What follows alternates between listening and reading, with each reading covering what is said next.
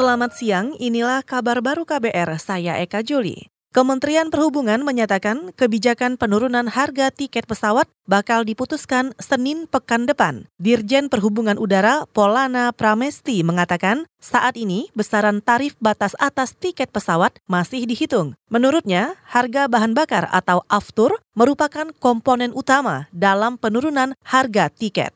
Itu ya belum ya. Lagi dievaluasi 15 persen. 15 persen itu Sedang dari dihitung ya. Sedang dihitung ya. Sedang dihitung. Kami sedang hitung lagi. Aspeknya apa aja sih Bu yang bakal Nanti nanti.